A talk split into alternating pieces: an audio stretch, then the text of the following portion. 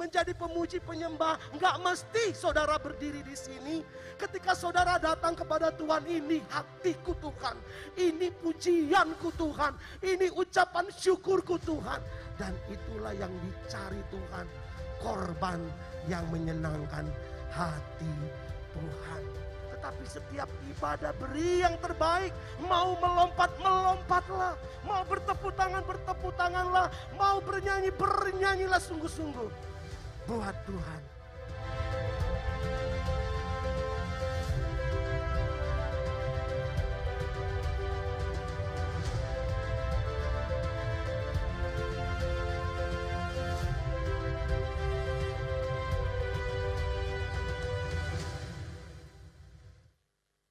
Puji Tuhan. Haleluya. Haleluya. Puji nama Tuhan. Kita percaya dalam pujian penyembahan kita di situ Tuhan hadir di tengah kita dan saudara siap diberkati oleh Tuhan. Amin. Amin. Haleluya. Selamat pagi menjelang siang buat Bapak Ibu Saudaraku di tempat ini maupun di rumah. Kita sudah siap mendengarkan firman Allah. Hari-hari ini Tuhan sedang membentuk kita menjadi orang-orang yang menang menjadi permata yang indah di hadapan Tuhan. Amin. Bahkan Tuhan sedang mengerjakan sesuatu yang luar biasa. Dia memurnikan setiap kita. Dan kita percaya kita akan lewati dan lalui setiap persoalan yang Tuhan izinkan terjadi dalam hidup kita. Dan kita keluar sebagai orang-orang yang menang. Amin.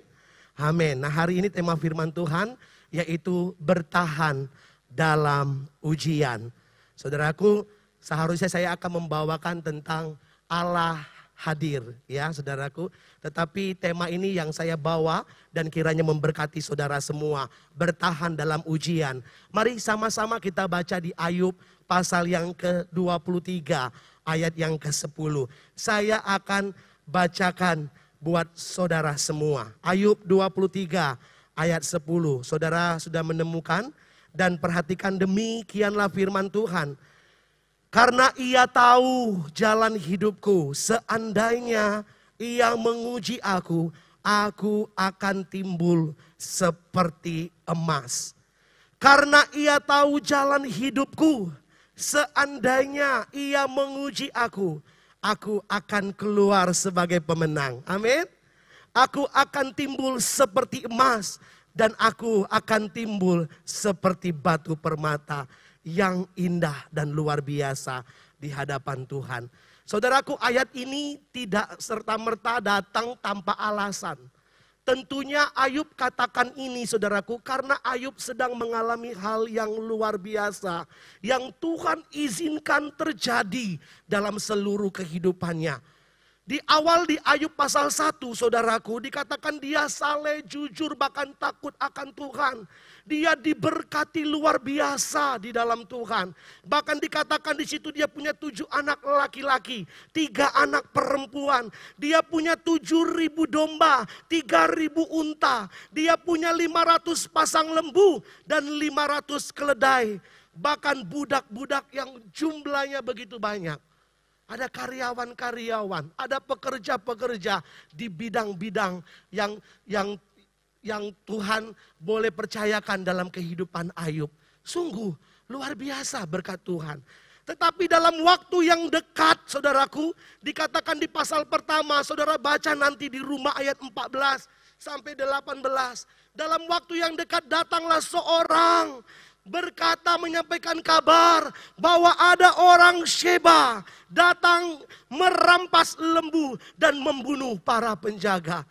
Baru selesai berbicara saudaraku, datang lagi di ayat yang ke-16. Pegawainya datang, dia mengatakan api menyambar dan membakar semua hewan. Ya, cuman aku yang luput di situ, saudaraku.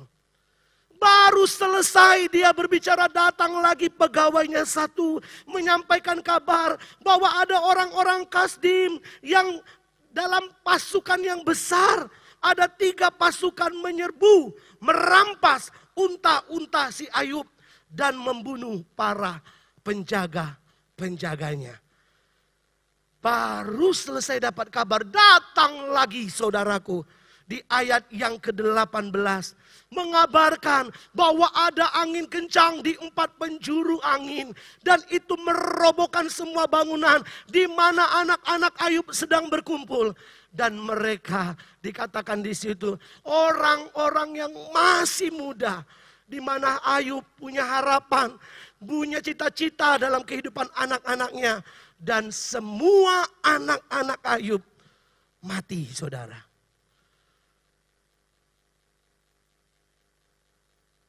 Beberapa waktu kemudian istrinya menyarankan Ayub untuk meninggalkan Tuhan.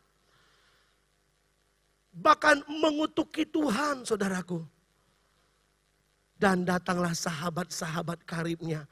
Yang tujuannya sebenarnya untuk menghibur Ayub. Tetapi Ayub dikatakan bahwa hal terjadi di dalam Ayub adalah karena dosa.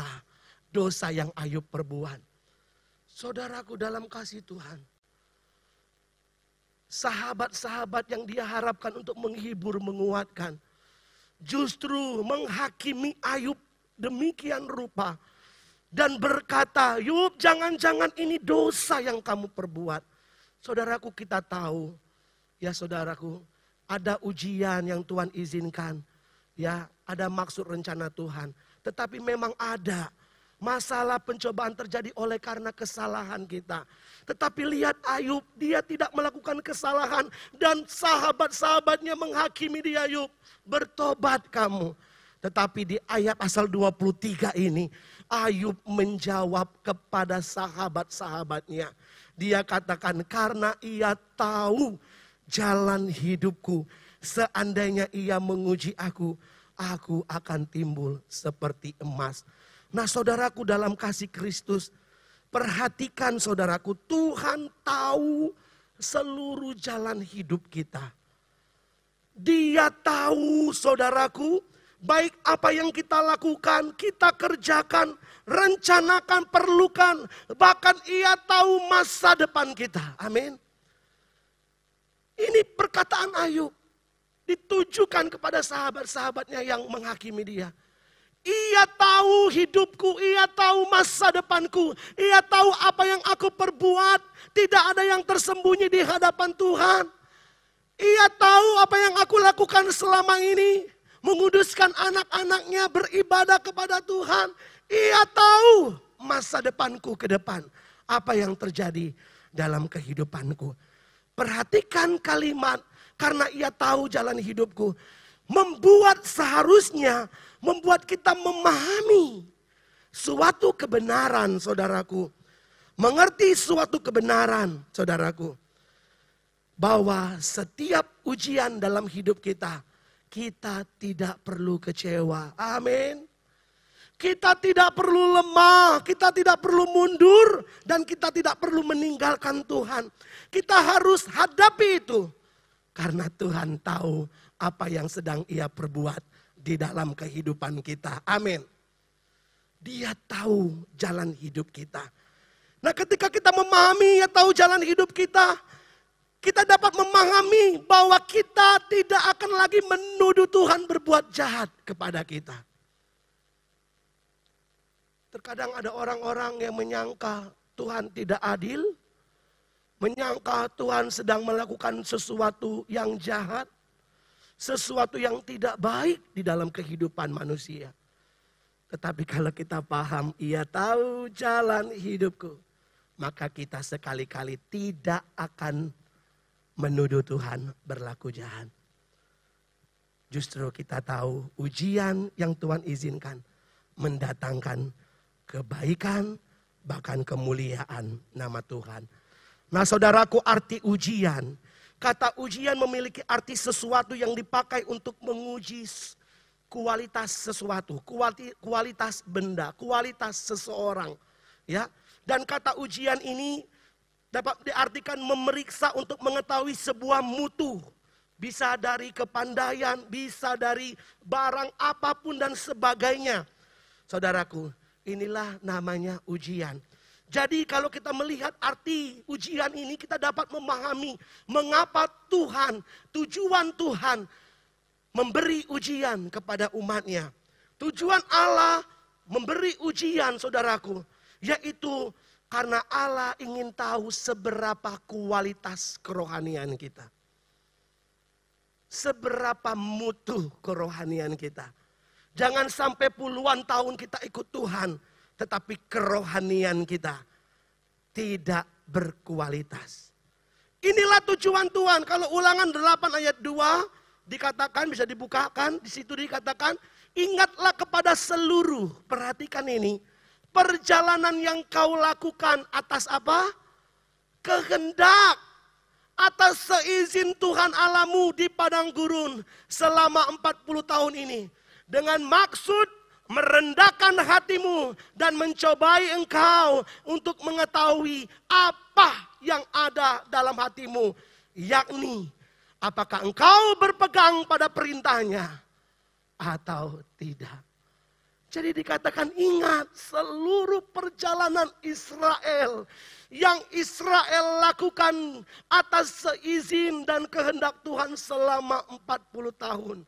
Diuji di padang gurun saudaraku. Maksudnya apa? Untuk merendahkan hatimu, untuk mengetahui apakah hatimu melakukan, berpegang pada perintah-perintah Tuhan. Jadi kalau kita saat ini sedang menghadapi ujian, jangan-jangan Tuhan ingin melihat kualitas kerohanian kita. Haleluya. Bagaimana kualitas kerohanian kita? Gembala di sini berdiri, hamba-hamba Tuhan berdiri, menyampaikan kebenaran firman Tuhan untuk membawa saudara benar-benar berkualitas imannya, berkualitas kerohaniannya, bahkan bertumbuh di dalam Tuhan. Dan ketika Tuhan ingin melihat, Tuhan nyatakan ujian ini. Itu sebabnya jangan pernah kecewa. Amin. Percayalah di balik ujian ini Tuhan sedang melihat seberapa kita mencintai Tuhan. Seberapa besar kita mengasihi Tuhan. Tujuan Tuhan lagi, mengapa Tuhan menguji setiap hidup kita. Supaya kita menghasilkan buah yang matang, kedewasaan, sempurna dan utuh. Yakobus 1 ayat 2 sampai 4 saya akan bacakan. Sebab kamu tahu Yakobus 1 ayat 2 sampai 4. Saudara-saudaraku anggaplah sebagai suatu kebahagiaan bila kamu jatuh ke dalam berbagai-bagai pencobaan. Aneh ya saudara ayat ini. Anggaplah suatu apa? kebahagiaan. Kalau kita diuji oleh Tuhan. Ya saudaraku, ayat 3. Sebab kamu tahu bahwa ujian terhadap imanmu itu menghasilkan apa? Ketekunan. Terus, dan biarlah ketekunan itu memperoleh apa? Buah yang matang. Wow. Hanya ibu hamil yang suka buah mentah, mengkal. Ya, tetapi normalnya manusia senang buah yang ma matang. Dan ini yang dirindukan Tuhan tujuan dalam ujian. Membuat kita matang supaya kamu menjadi apa? Sempurna. Dan apa? Utuh dan tak kekurangan suatu apa pun. Wow, terima kasih Tuhan sudah paham ternyata kalau saya menderita di dunia ini, sudah percaya mengikut Yesus masih menderita. Ternyata Tuhan sedang membuat saya itu utuh, matang, sempurna di hadapan Tuhan. Haleluya. Itu tujuan Tuhan dalam segala ujian. Apalagi saudaraku, tujuan Tuhan menguji kita supaya kita memperoleh mahkota kehidupan yang dijanjikan jadi endingnya bahagia saudaraku. Dikatakan di Yakobus 1 ayat 12, demikian firman Tuhan, berbahagialah. Tadi berbahagialah diuji. Sekarang berbahagialah yang ber, bertahan dalam pencobaan. Sebab apabila ia sudah tahan uji, ia akan menerima apa? Mahkota kehidupan yang dijanjikan Allah kepada barang siapa mengasihi mengasihi dia. Ada upah. Saudaraku ada beberapa mahkota di dalam Alkitab. Dan ketika kita datang kepada Tuhan, saudaraku, di dalam pujian penyembahan kita di sorga, apa yang kita beri buat Tuhan? Penghormatan, yaitu mahkota kita, kita lemparkan di hadapan Tuhan. Tanda hormat kita bagi Tuhan segala kemuliaan. Jadi, kalau ujian datang, jangan-jangan Tuhan sedang siapkan mahkota kehidupan buat saya dan saudara. Amin. Amin. Itulah tujuan Tuhan. Nah ini Ayub saudaraku. Saat Ayub sedang diuji, dia tahu betul bahwa di dalam kehidupannya terjadi masalah ini, pencobaan ini, Ayub bisa berkata, aku akan timbul seperti seperti emas. Karena dia mengerti ada maksud dan rencana Tuhan di dalam ujian ini aku akan timbul seperti emas. Bagaimana kita bisa timbul seperti emas? Itu tergantung sikap. Sikap kita ketika kita dalam ujian. Yang pertama saudaraku, teruslah percaya bahwa dalam ujian, yuk baca sama-sama bahwa dalam ujian Allah tidak berubah, amin. Allah sanggup, amin. Allah berkuasa, dan rencananya tidak pernah yes. Jadi kita tidak takut lagi, tidak lemah lagi ketika ada ujian hidup. Karena kita percaya, Ayub percaya bahwa di dalam ujian ada Allah yang tidak pernah berubah. Kasihnya tidak pernah berubah. Kesetiaannya tidak pernah berubah. Bahkan janjinya tidak pernah berubah dalam kehidupan kita. Bahkan dikatakan bahwa Allah juga sanggup, saudaraku, menolong, mengadakan pertolongan, mujizat di tengah ujian yang saudara alami. Ini kita harus percaya, saudaraku. Ayub pun katakan ini, bahwa Allah itu sanggup dan berkuasa, saudaraku.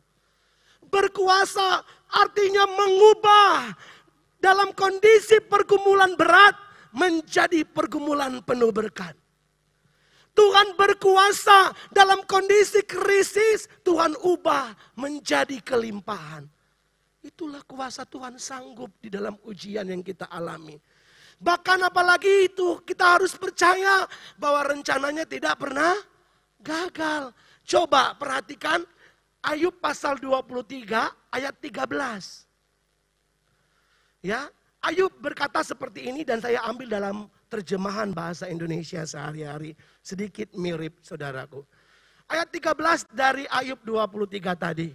Dikatakan Allah itu tak berubah. Allah itu tak ada yang dapat melawan dia.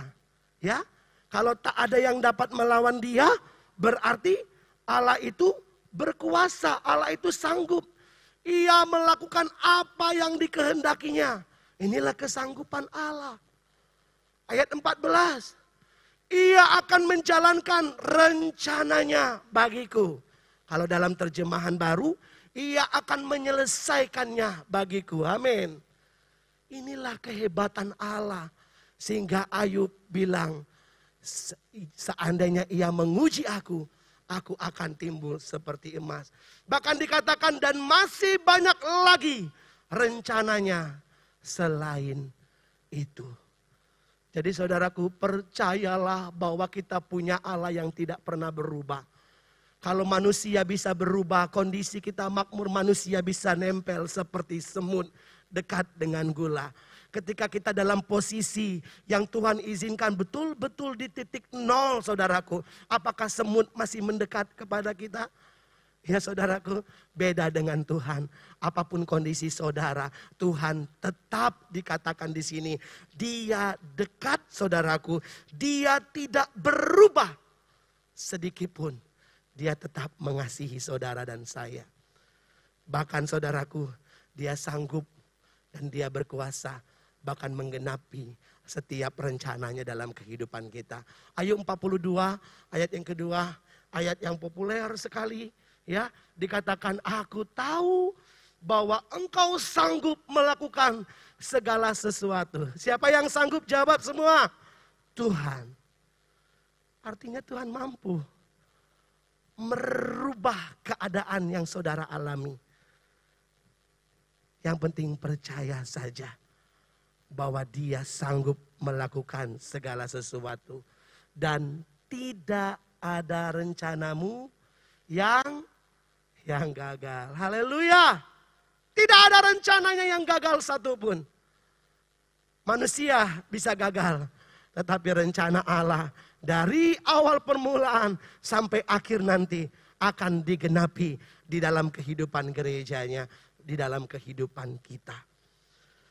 Selanjutnya saudaraku, sikap Ayub dalam ujian. Yang terakhir ini, saya nggak banyak-banyak, dua saja. Tetap berkomitmen bahwa ada upah bagi orang yang setia di dalam ujian.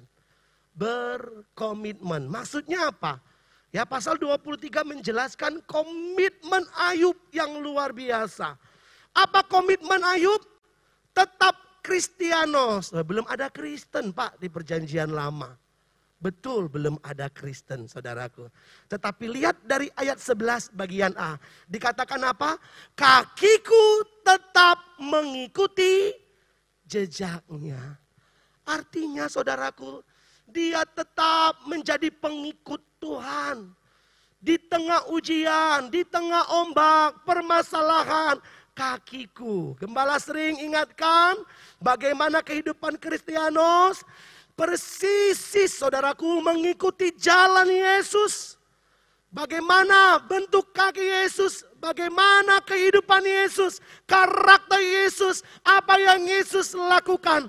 Ayub dikatakan dengan imannya bahwa kakiku tetap mengikuti jejaknya. Inilah komitmen. Sebagai pengikut-pengikut Kristus di akhir zaman ini. Tanpa komitmen kita akan jatuh, bahkan kita akan gagal serupa dengan Kristus. Tetapi dengan komitmen, dengan setia saudaraku, kalau bukan campur tangan roh kudus, kita tidak akan sanggup bertahan. Itu sebabnya komitmen saudara minta pertolongan Tuhan. Selanjutnya berkomitmen apa? Berdiri di dalam kebenaran. 11 bagian B. Aku menuruti jalannya dan tidak menyimpang.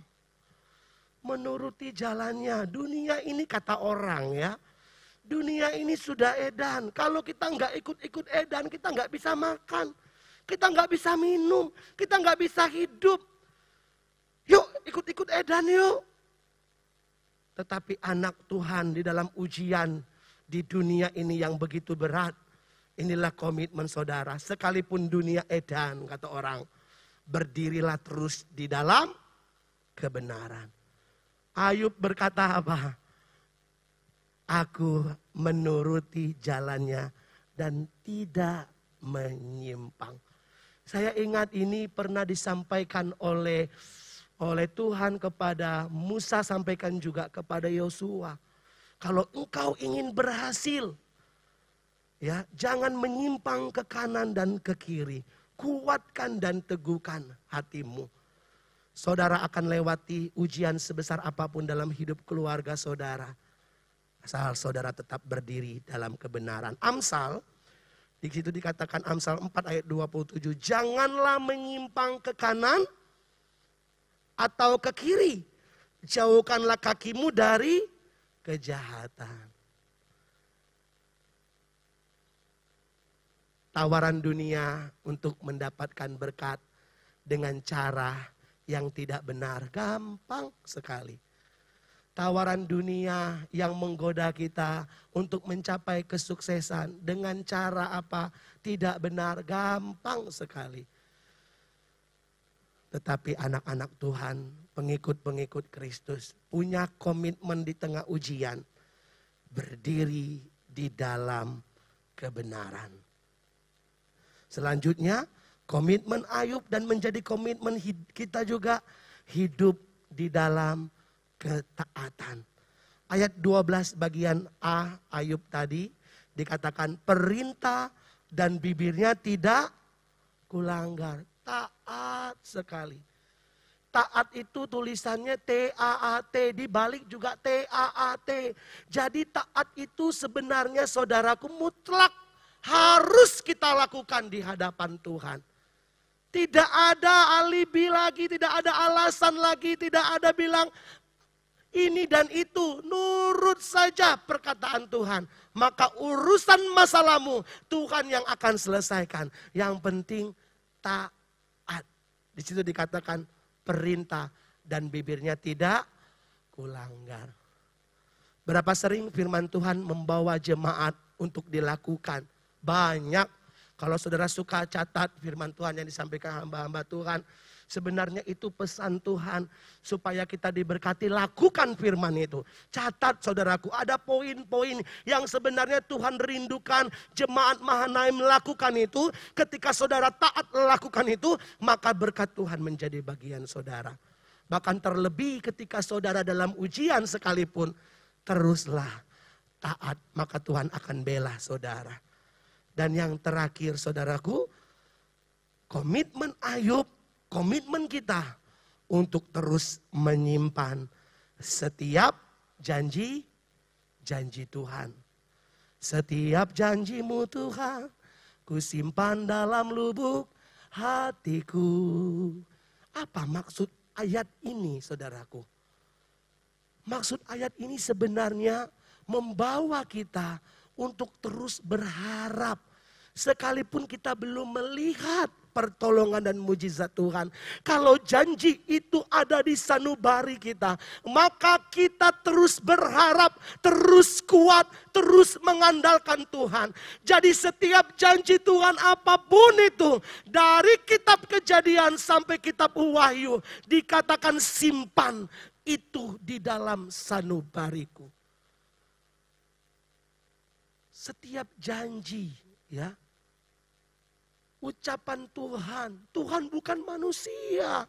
Sehingga dia berdusta. Kalau dia mengucapkan sesuatu, maka dia akan lakukan dan genapi dalam kehidupan kita.